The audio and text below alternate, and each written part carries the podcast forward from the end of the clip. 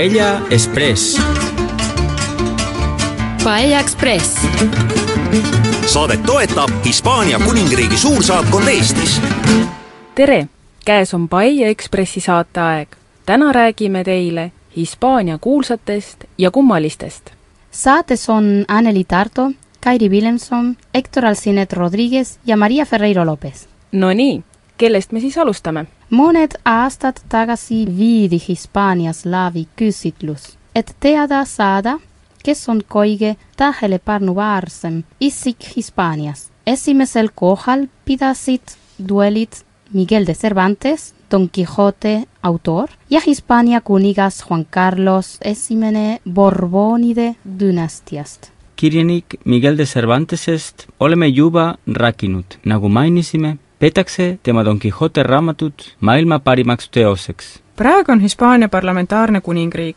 see tähendab, et kuningas on kui riigipea, aga samas juhib valitsust peaminister. seega kuningas valitseb kuningriiki, aga ei juhi seda. riiki juhib valitsus ja otsuseid teeb parlament. aga Hispaania ei ole alati kuningriik olnud, vaid ka vabariik täpsemalt öeldes kaks korda. esimene vabariik kestis üksteist kuud tuhande kaheksasaja seitsmekümne kolmanda ja tuhande kaheksasaja seitsmekümne neljandal aastal. teine vabariik kestis kaheksa aastat. see algas tuhande üheksasaja kolmekümne esimesel aastal Alfonso kolmeteistkümne lahkumisega ja lõppes tuhande üheksasaja kolmekümne üheksandal aastal Franco režiimi tulekuga. Alfonso kolmeteistkümnenda poeg on Juan de Bourbon, kelle poeg on tänane kuningas Juan Carlos Esimene seega, praegune kuningas on Alfonso kolmeteistkümnenda lapselaps. praeguse kuninga isa, Juan de Bourbon, ei tõusnud kunagi valitsejaks, sest Franco määras troonile tema poja Juan Carlose kui enda järeltulija. aga Juan Carlos pidi ootama seni, kuni tema isa troonist loobub, et ta võiks kuningakoja valitsejaks saada see ei juhtunud enne tuhande üheksasaja seitsmekümne kaheksandat aastat, kui kirjutati alla konstitutsioonile ja sellest ajast alates saame rääkida kuningas Juan Carlos Esimesest ja parlamentaarse monarhia tekkest.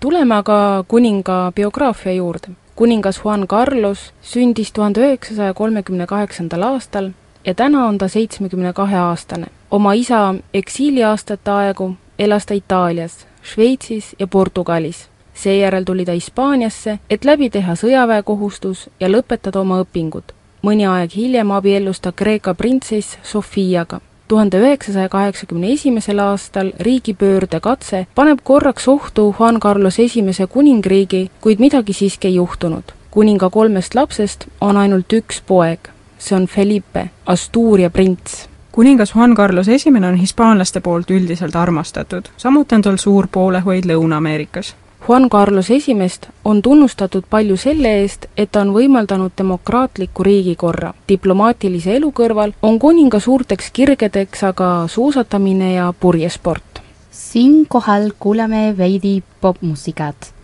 esitajaks on M-Clan ja laulu nimi on Kutsudes maad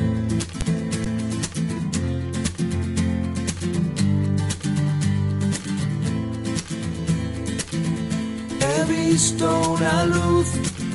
Hace tiempo Venus se apagó. He visto morir una estrella en el cielo de Orión. No hay señal, no hay señal de vida humana y yo, perdido en el tiempo perdido en otra dimensión. ciencia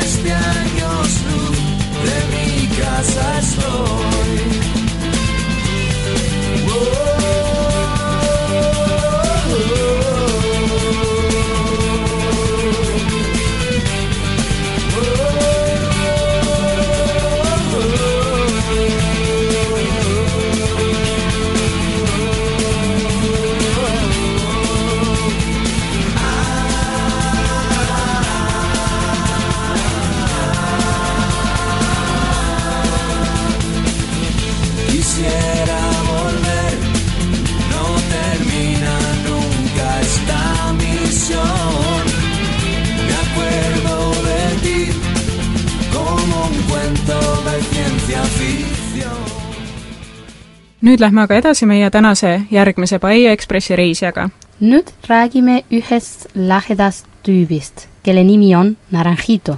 tema nimi tuleb sõnast apelsin. ta on väga eriline kuju, kõik hispaanlased tunnevad teda. see ei ole inimene, vaid väljamõeldud olend. see on suu ja silmadega apelsin. ta kannab Hispaania jalgpallimeeskonna riideid ja käes hoiab keppi. mille poolest Naranjito siis kuulus on? Sest ta oli tuhande üheksasaja kaheksakümne teise aasta jalgpalli MM-i maskot. hispaanlased on ju fanaatilised jalgpallihuvilised.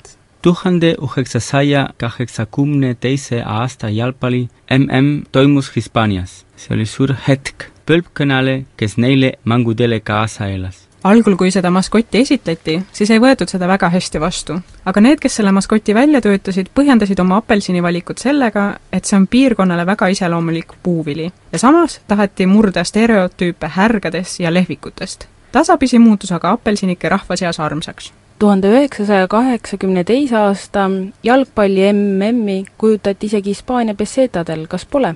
jaa, aga ilma Naranjito apelsinikeseta aga nüüd jätame spordi ja lähme edasi muusikaga. räägime Marisolist. Marisol oli kuuekümnendate aastate Hispaania ikoon. Marisol sai juba lapsena kuulsaks. kõik tüdrukud tahtsid olla Marisolid.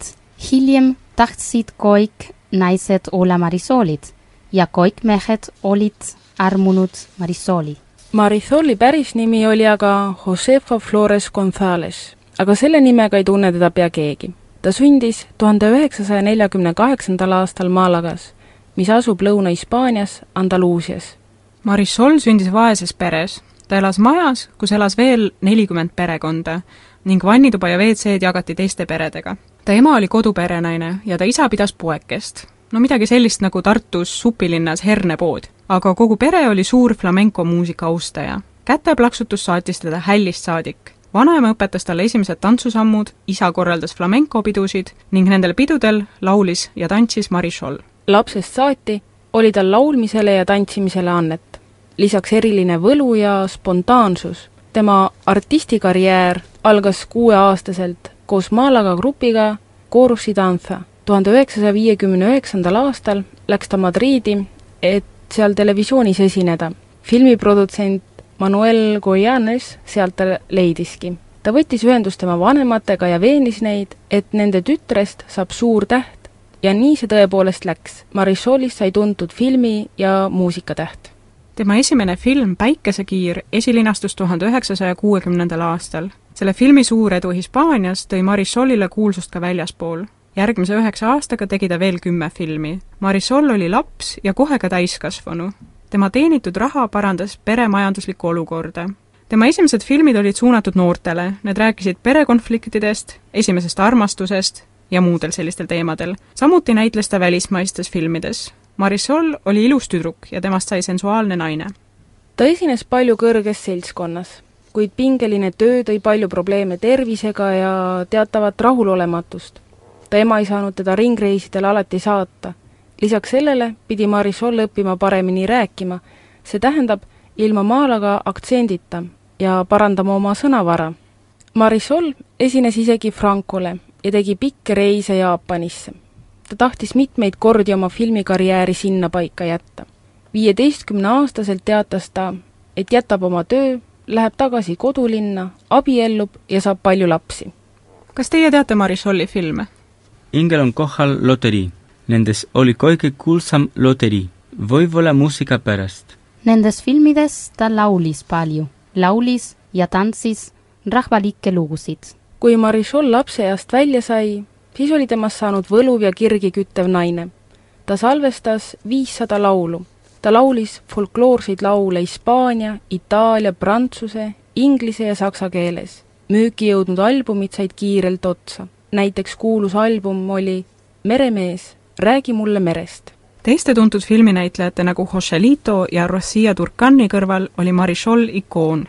mõne aja pärast tahtis Marisol oma artisti nime vahetada nime Pepa Floresi vastu. Pepa Floresina sai ta ka väga tuntuks Karlovi Vaarib festivalil. tema tähelend oli muljetavaldav isiklikus elus aga tal nii hästi ei läinud. kõigepealt ta abiellus kuulsa ärimehe Manuel Koyanesi pojaga, kellest ta aga peagi lahutas. Siis abiellus ta veel ja lahutas taas. ja see oli aeg, kui Pepe Flores viiekümneaastasena oma lavaelu jättis, oma kodulinna pöördus ja end oma kolmele tütrele pühendas praegu jagab ta oma vaba aega heategevuse, poliitika ja oma toreda elukaaslase vahel. aeg-ajalt astub ta üles ka flamencoetendustes. see on see, mis talle tõeliselt meeldib. tundub, et tal läheb hästi. on aega pere ja iseenda jaoks. ega Hispaanias ei ole kerge kuulus olla. Hispaania on peaaegu viiekümne miljoni elanikuga riik. olla kuulus või isegi tundud, see on midagi väga suurt Hispaania kuulsad inimesed elavad justkui teises maailmas, oma mullis, ja neil on alati saadjaskond. Hispaanias ei ole võimalik näha ühtki tuntud inimest tänaval. mitte nii nagu Eestis, et minister on su naaber või kohtad teda rahulikult poes riiulite vahel Hispaanias toob tuntud inimene oma ilmumisega kohutavalt suured rahvamassid kokku. kui näiteks mõni muusik lennujaama saabub, siis teda ootavad seal alati tuhanded lärmakad inimesed autogrammide saamiseks. tuntud inimestele tuleb Hispaanias alati läbipääsuteid rajada.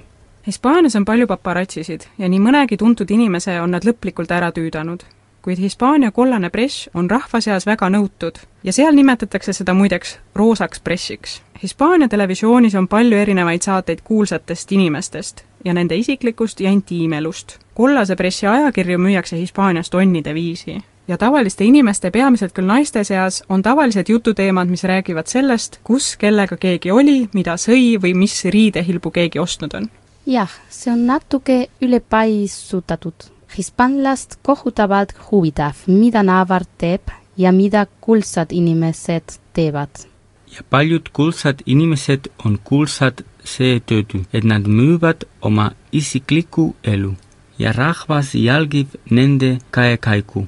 on ju vaja teada, kes kellega käib, kes kellest lahutab, kes kellele sarvi teeb ja sageli need kuldsad inimesed pole kuldsad mitte millegi muu poolest ei ole nad artistid, ei teadlased, lihtsalt oma elu müüjad. mina Hispaanias olen näinud ja tundnud seda hispaanlaste meeletut huvi tuntud tegelaste vastu. kui äh, ma Granadas tudengina õppisin, siis ühel kaunil pühapäeval tuli meil eestlannast sõbraga mõte, et teeks midagi. ja kuuldavasti pidi Granadas toimuma pulmat mis oli väga enneolematu, sest abiellusid flamencotantsija ja härjavõitleja ja pulma pidi tulema ka Antonio Banderas. ja nii me mõtlesime, et Eestis on ju kombeks kontvõõrana pulma minna, et lähme vaatame ka ja siis me läksime, lähenesime kirikule, kus pulmad pidid toimuma. inimesed olid kahel pool teed spaleeris ja meie, kaks sinisilmset äh, piigat, marssisime tänava otsast sisse, kõnnime ja arutame, et äh, näed, et kaua need inimesed siin on olnud ja mis nad teevad ühel hetkel näeme, et oi, kirik paistab, selle ees on hambuni relvastatud turvamees ja tagant läheneb meile must limusiin. Ja siis me tahtsime sealt spaleeri vahelt ära minna, aga inimesed ei lasknud meid välja, sest nad arvasid, et me varjame nende vaate ära. Ja me saime hispaanlaste käest lihtsalt peksa sõna otseses mõttes. Nad tagusid meid jalgade ja kätega, kuni mingi hetk halastasid meile ühed välismaalased, ütlesid, et tulge siit läbi. see on lugu sellest, kuidas ma Hispaanias tahtsin kontvõõrana pulma minna ja Antonio Banderast ma ei näinud. kuulame nüüd mõnda tõesti kuldse artisti laulu. sobib, kuulame eelmise aasta moelaulu Sinu ketel rippudes Carlos Baute ja Marta Sanchezi esituses, kes muidega koos tantsivad.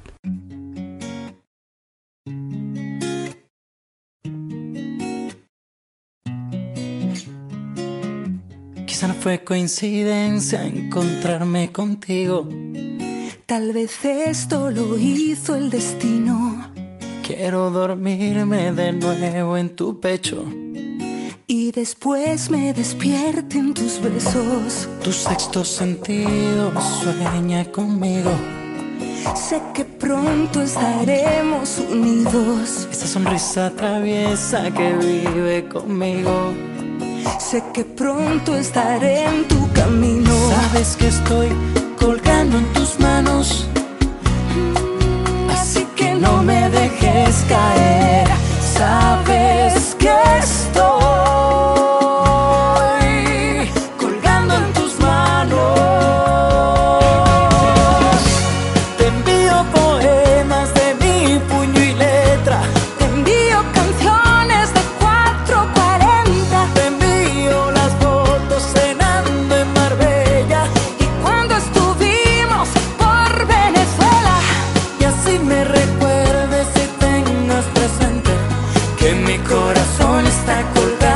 tus manos. Cuidado, cuidado, que mi corazón.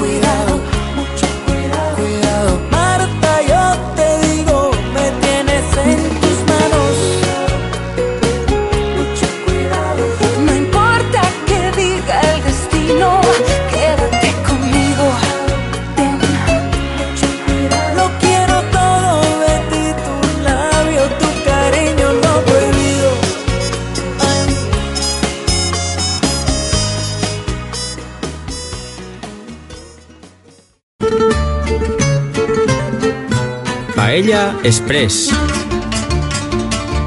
Paella Express. saadet toetab Hispaania kuningriigi suursaatkond Eestis Läheme edasi Paia Ekspressi saatega. täna räägime inimestest, kes on teinud ja teevad ajalugu Hispaania kultuuriruumis. meie järgmine isik on El Lute. tema on olnud Hispaania kõige tuntum kelm.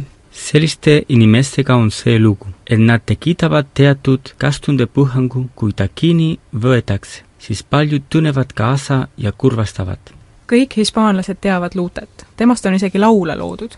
jah, temast on laulnud näiteks Joaquin Sabina, Estopa, Boneyem, Lute elust on isegi film tehtud. räägime siis temast veidi. Eleuterio Sanchez Rodriguez, tuntud nime all El Lute, sündis tuhande üheksasaja neljakümne teisel aastal. tema oskused on päritud põlvest põlve. ta sai kuulsaks oskuslike põgenemistega politsei eest ja isegi vangimajast. ta ise ütleb, elu on mäng, mõnikord võidab politsei ja mõnikord võidad sina El Lute on praegu kuuekümne kaheksa aastane, tal on erinevate naistega kokku viis last. esimest korda sattus ta kuueks kuuks vanglasse kahekümneaastaselt, kui ta varastas kaks kana. tema järgmine vangistus kestis kaheksateist aastat ja peale seda ei ole temast parem inimene saanud, aga vähemalt on ta ära õppinud lugemise ja kirjutamise ning ta on lõpetanud isegi õpingud õigusteaduskonnas ta mäletavad hästi oma esimest vargust seitsmeaastasena, siis ta võttis ära ühelt lapselt võileiva, sest see nägi hea välja ja tal oli kõht tühi. Luutet on aegade jooksul süüdistatud nii isikliku vara riisumises kui ka veristes süütegudes. verised teod on tema oma sõnade kohaselt ilmselgelt süütegu, aga vara riisumine, selle kohta ütleb ta, kumb on suurem süütegu, kas asutada pank või röövida panka, ehk kes keda riisub kahekümne kolme aastasena osales El Lute juveelipoe rüüstamises, mille käigus sai üks valvur surma. algselt määrati talle surmanuhtlus, kuid hiljem muudeti see kolmekümne aasta pikkuseks vangistuseks. kuna kolmkümmend aastat on pikk aeg, siis üritas El Lute paar korda põgeneda. ühel katsel see ka õnnestus ja ta põgenes kogu oma perega, kes muide ka vangis istus. tuhande üheksasaja kaheksakümne esimesel aastal, kui karistusest oli möödunud kaheksateist aastat, vabastati ta ennetähtaegselt Elute on tuntud oma põgenemiste poolest. oli huvitav kuulata tema eneseõigustusi ja jälgida tema saatuse kergkäike põgenemisel. kummaline on see, et paljudel kordadel põgenes ta koos oma pereliikmetega. see lihtsustas oluliselt politsei tööd ja kuigi Lute seda teadis, jätkas ta samas vaimus. ta tahtis alati koos oma perega olla. Lute ütles, et ta oli sündinud vabaduse jaoks, et vangla ei päästa kedagi. kui talle surmanuhtlus määrati, siis esimese asjana tahtis ta enesetappu sooritada, kuid kongikaaslane veenis ta ümber. soovitas tal aega kasutada õppimiseks. nii avanesid vangis olles talle kultuuri uksed. tema jaoks ei olnud häid ega halbu inimesi. kurjus pidavat sündima armastuse puudumisest ja vabadus olevat kultuuris. mida rohkem raamatuid, seda vabam on inimene. nüüd üle kuuekümne aastasena on El Lute aukus silmade ja väsinud ilmega ta on kannatanud ja tundnud valu. vahel osaleb ta mõnel seminaril, mis võiks teisi aidata ning räägib oma läbielamistest. ta võitleb selle eest, et kultuur jõuaks nende inimesteni, kellel pole sellele ligipääsu või kes sellega kokku pole puutunud. nüüd tahab see oma elu jooksul palju meediakära põhjustanud mees rahu ning vaikust tema arvates pole kergesti saavutatavas mitte midagi. ta ei hinda midagi sellist, mis on kõigile kättesaadav ta ütleb aga, et näiteks sõitvast rongist välja hüpata on juba midagi erilist ja rahuldust pakkuvat, sest see on raske ja igaüks seda juba ei tee. ka vabadust peab ta raskeks või keeruliseks. ta kirjeldab vabadust inimese arenguna. tema sõnul ongi kõige raskem see, mida teevad vaid vähesed ning raske on ka tõelise vabaduse otsimine ja isiklik areng. Lute on kirjutanud kaks raamatut isiklikest kogemustest, Kõni voi vihasta ja Homme olen vaba enne kui räägime järgmisest isikust, kuulame muusikat Mehhiko bändilt Mana ja nende laul Redlik Liblikas.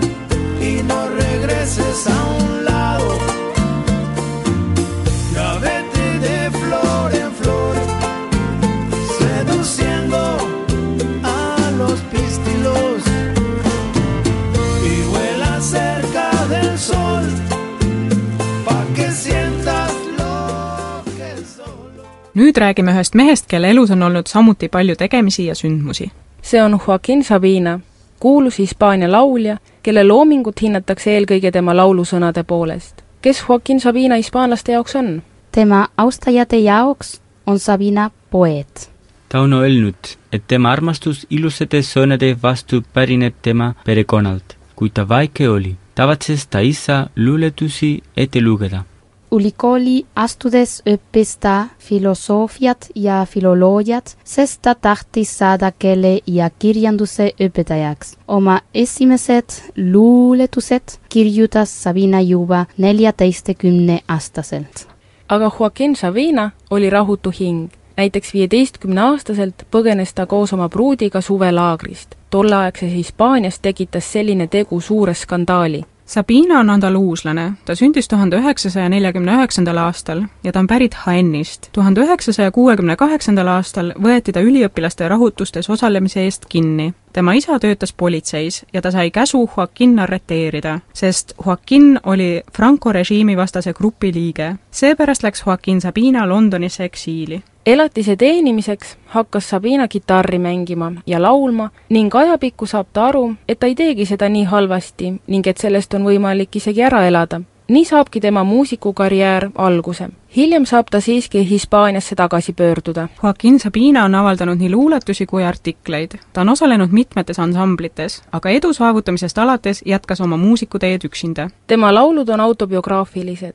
Need räägivad nii seiklustest kui ebaõnnest. ta on kaasaegne muusik ja ta laulab kaasaegsetel teemadel, eriti aga inimese mõtetest ja kogemustest. Kuid selles kõiges on tunda poeedi talenti, tema tekstides on irooniat, satiiri, sõnamänge ning lugematul hulgal retoorilisi kirjanduslikke kujundeid. ta on tõeline sõnameister Need kuulajad, kes on hispaania keele huvilised, võiksid kindlasti Sabina laulutekste tähelepanelikult kuulata või need üle lugeda ning siis näete, millise meisterlikkusega ta ennast väljendab. sellel poeedi hingega mehel ei ole aga avalikkuse silmis väga hea maine. talle heidetakse ette ebakorrektset käitumist ning pressis öeldut. ka tema liialdav pool, mõnuainete ja alkoholi tarvitamine, on tema mainele ning ka tervisele halvasti mõjunud. tema kontserdid on alati rahvast täis ja tema laule, eriti just vanemaid, lauldakse ja kuulatakse jätkuvalt kõikjal. ta on väga tuntud ka Lõuna-Ameerikas, kus ta on käinud mitmetel tuuridel. mulle tundub, et eriti populaarne on ta Mehhikos. ta on olnud ka kõva elu ja naiste mees vaatamata kõigele on Joaquin Sabina üks nendest muusikutest, kelle looming meeldib väga või üldse mitte. eelkõige on ta aga olnud muusik, kes teab, kuidas oma plaate müüa. ta on välja andnud rohkem kui kümme plaati, avaldanud luuleraamatuid ja autobiograafilisi raamatuid, kuid publiku südame ja kindla austajaskonna on kahtlemata võitnud tema laulud, täpsemalt tema laulusõnad kuulame siis laulu, kus laulab kähedahäälne Joaquin Sabina ja Jarve de Palo ning kitarri mängib Santana. see laul on pühendatud saledale ja kaunile naisele ja kannab pealkirja La Flaca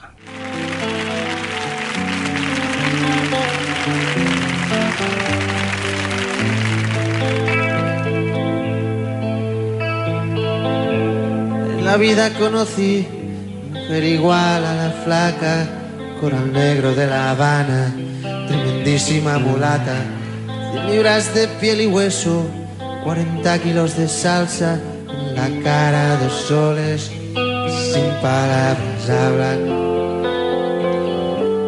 que sin palabras hablan.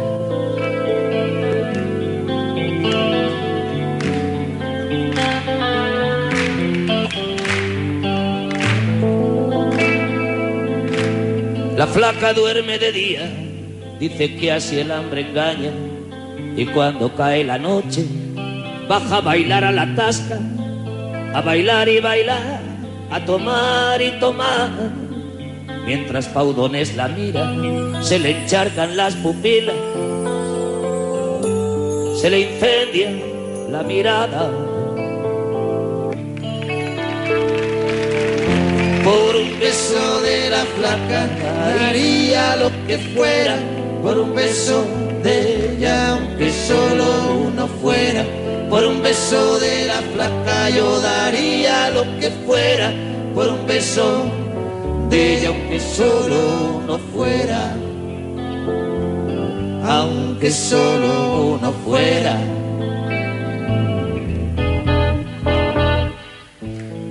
En mis sábanas blancas, como dice la canción, recordando las caricias que me brindo el primer día. Enloquezco de ganas de dormir a su ladito. Ay, flaca, si tú probaras mi jarabe de palito. Mi jarabe de palito. Por un beso de la flaca daría lo que fuera. Por un beso de ella, aunque solo uno fuera. Por un beso de la flaca yo daría lo que fuera. Por un beso de ella, aunque solo uno fuera. Aunque solo uno fuera. Aunque solo uno fuera. Aunque solo uno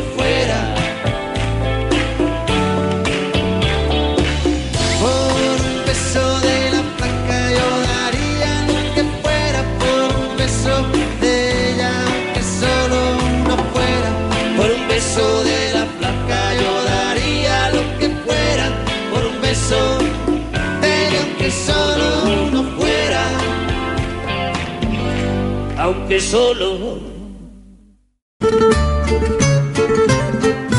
Paella Express Paella Ekspress saadet toetab Hispaania kuningriigi suursaatkond Eestis. kuulate Paia Ekspressi saadet. täna räägime Hispaania ja Kataloonia kuulsatest ja kummalistest. nüüd on kord tuntud kunstniku Salvador Dali käes, kellel on väga omanäoline stiil mida võib pidada sama sürrealistlikuks kui ta enda elugi Kataloonia kunstnik Salvador Dali on pärit Heronast. ta sündis tuhande üheksasaja neljandal aastal. tema isa oli tunnustatud notar ja ema ornitoloogiahuviline. Dali ei teadnud, kelleks ta saada tahtis. ta tahtis kokaks, Napoleoniks, aga kokkuvõttes tahtis olla vaid Dali, ainulaadne ja kordumatu. ta on tõesti ainulaadne, seda näitab isegi tema välimus kindlasti teate kõik. Dali pikki kerdus otsadega vuntse ta oli pisut hullumeelne, jutukas ja väga loominguline. tema loomingulisus ei väljendu mitte ainult tema maalides, vaid ka skulptuurides, filmikunstis ja fotograafias. ta on teinud koostööd audiovisuaalsete kunstnikega. Salvador Dali ei otsinud tasakaalu või ei leidnud seda, igatahes eelistas ta olla ekstravagantne ja liialdav tema tööd on unenäolised ja musta huumoriga. ta ise pidas ennast õelaks, nõrgaks ja eemale tõukavaks. ta oli täielikult oma maailma sukeldunud, tal oli silmi vaid iseenda ja oma kunsti jaoks kuna kõik kunstnikud on natuke hullud, siis pidi ka Dali hullumeelne olema, sest tema tööd on tõelised šedöövrid. tema stiil on kordumatu ja ainulaadne ning kergesti äratuntav kõik teavad tema sürrealistlikel trööstitutel maastikel sulavaid kelli, aga ka suurejoonelisi valgete munadega installatsioone. tema maalidelt võib leida kuldsetes toonides nägusid, mannekeene ja loomi. fototöödes tegi ta sageli autoportreesid objektide või loomadega, aga ka üksinda ning tema ilme on nendel piltidel alati väga väljendusrikas, pisut hullumeelselt pungi aetud silmadega. Dali kunstianne avaldus juba varases eas kaheteistkümne aasta vanuselt võis tema töödes näha Prantsuse impressionistide mõjutusi, kuid õige pea sai temast kubist. viieteistkümneaastaselt oli ta juba ajakirja Stuudium toimetaja, milles ta tegi kuulsate meistrite töödest pastiše. Dali õppis Madridis kunsti ning sai seal sõbraks poeedi Federico Garcia Lorca ja kineasti Luis Buñueliga, kuigi viimasega läksid nende teed õige pea igaveseks lahku Salvador Dali on ekstravagantne inimene. tema riietumisstiil oli liialdav, ta kandis pikikuubesid, hitlaslikke lipse ja värvilisi särke, pikki juukseid ja kerdusvuntse. tema valimus tõmbas tähelepanu. ta oli ülevoolav mees ja ta armastas raha, mis ajas teda paljude inimestega ka tülli. ta elas ka Pariisis ja Ameerika Ühendriikides. sürrealistist kunstniku abikaasa Gala oli igavesti oma mehe muusaks ning nad olid lahutamatu paar. Ameerikas olles õnnestus Dalil tutvuda Sigmund Freudiga, kes oli tema mitme töö inspiratsiooniallikaks. Freudi jaoks oli au kohtuda Daliga, sest Freudi peetakse kõikide sürrealistide pühaks patrooniks ning Freud pidas neid pöördumatult hulludeks. teise maailmasõja ajal tapeti tema parim sõber Federico Garcia Lorca. Dali kritiseeris seda sündmust avalikult ning seetõttu pidi ta elama minema Ameerika Ühendriikidesse, kus ta kaunistas vaateaknaid ning tekitas skandaale, sest ta ei lõpetanud oma projekte või tegi neid endale omasel viisil. näiteks ükskord virutas ta vett täis vanni vastu vaateakent. aastaid hiljem pöördus ta tagasi Hispaaniasse, kus tal ei tekkinud mingeid konflikte, kuigi diktatuur oli veel elujõuline. ta asus elama Kataloonias ning jäi sinna järgmiseks neljakümneks aastaks ning elas viljakat kunstniku elu. selline aga Salvador Dali kord juba oli. ta oli egotsentristlik, ekstravagantne ja hull ning natuke laristaja, perfektsionist, müstik ja nartsissist. kahtlemata oli ta imetlusväärse kujutlusvõimega kunstnik ning provokaator. ta muutis vastutustundetuse esteetiliseks. Dali suri tuhande üheksasaja kaheksakümne üheksandal aastal, jättes suurema osa oma pärandist Hispaania riigile. ka see viimane kunstniku tegu tekitas suurel hulgal poleemikat. nüüd aga räägime neljast kirjast tegelasest Need on väga tuntud neli last, kes meenutavad meile meie lapsepõlve. räägime lastebändist Parchis. Parchis on Hispaanias ühe mängu nimi, kas pole? jah, see on nagu Eesti ümber maailma reis.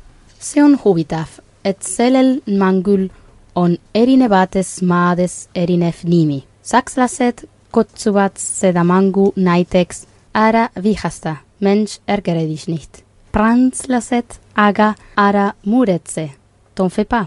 ja Ameerika Ühendriikides nimetatakse seda frustratsiooniks, frustration, ja hispaanlased parchisiks, mis ei tähendagi midagi.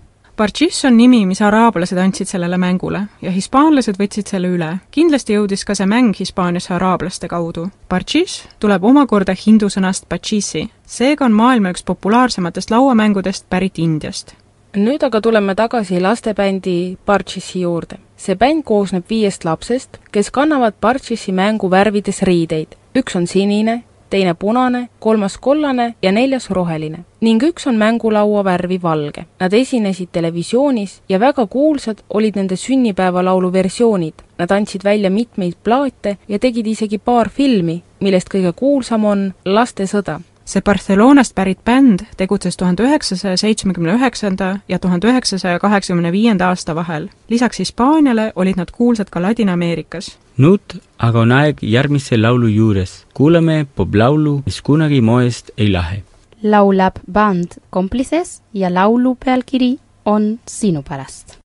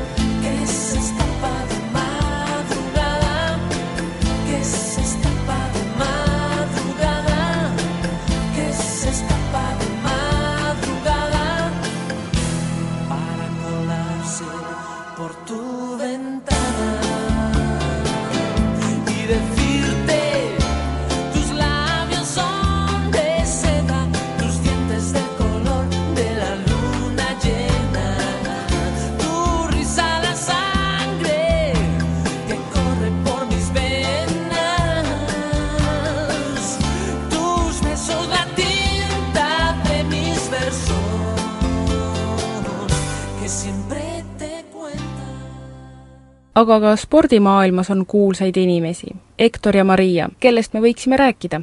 kaasaegsetest sportlastest varivad ära märkimist korvpallur Paul Gasol ja tennisist Rafa Nadal. motospordis kindlasti Angel Nieto, tennises ka Arantxa Sanchez, aga täna võiksime rääkida Miguel Indurainist. Hispaanias on jalgrattaspordil palju toetajaid. igal aastal vaatavad paljud Hispaania perekonnad kõiki Hispaania suurvõistluse Vuelta Ciclista a España või Prantsuse Tour de France'i etappe. Miguel Indurain on Põhja-Hispaaniast Navarrast pärit jalgrattur, kes võitis Hispaania tuuri viiel järjestikusel korral aastatel tuhat üheksasada üheksakümmend üks kuni tuhat üheksasada üheksakümmend viis teda peetakse üheks paremaks jalgratturiks, kuigi ta jääb pisut kuulsate Eddie Merckxi või Lance Armstrongi varju. samuti võib julgelt öelda, et ta on Hispaania parim sportlane ja seda mitte ainult võidetud karikate, vaid ka pühendumuse ja sellepärast, et ta oskab võita. Miguel Indurain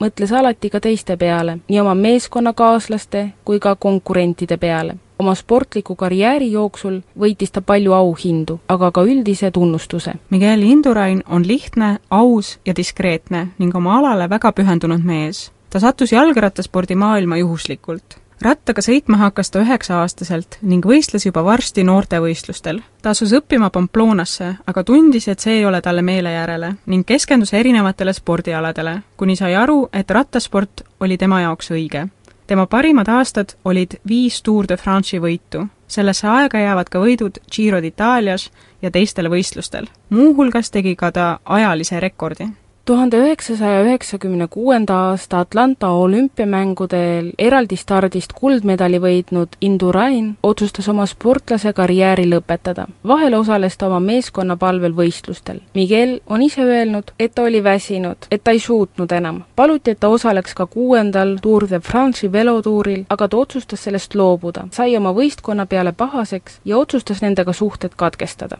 Miguel Indurain arvas, et ta on juba piisavalt saavutanud üheksakümne kuuendast aastast alates pühendub ta oma elu teistele pooltele. kummalise seigana võiks ära mainida, et Miguel Induraini ärritas väga, kui temalt küsiti, kuidas sa saad nii kergelt võita, sest tema jaoks ei olnud see kunagi mitte ühelgi hetkel kerge olnud. Miguel Indurain on alati selgitanud, et ta saavutas oma võidud tänu vastupidavusele ja tänu sellele, et ta oskas ja suutis taluda rohkem kannatusi kui tema konkurendid ja ta ei andnud alla.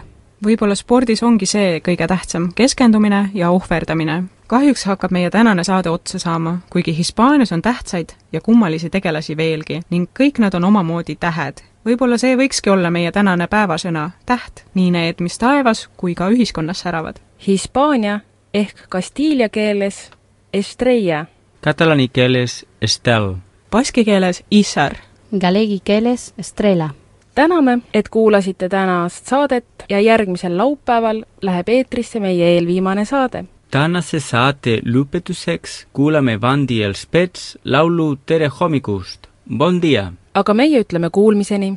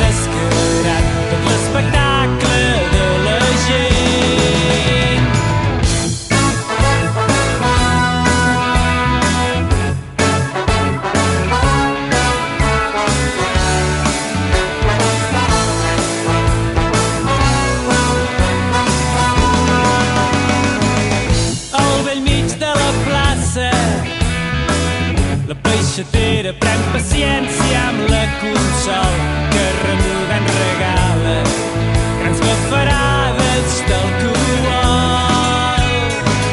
i el padrí reposant l'avi Josep no es deixa perdre cap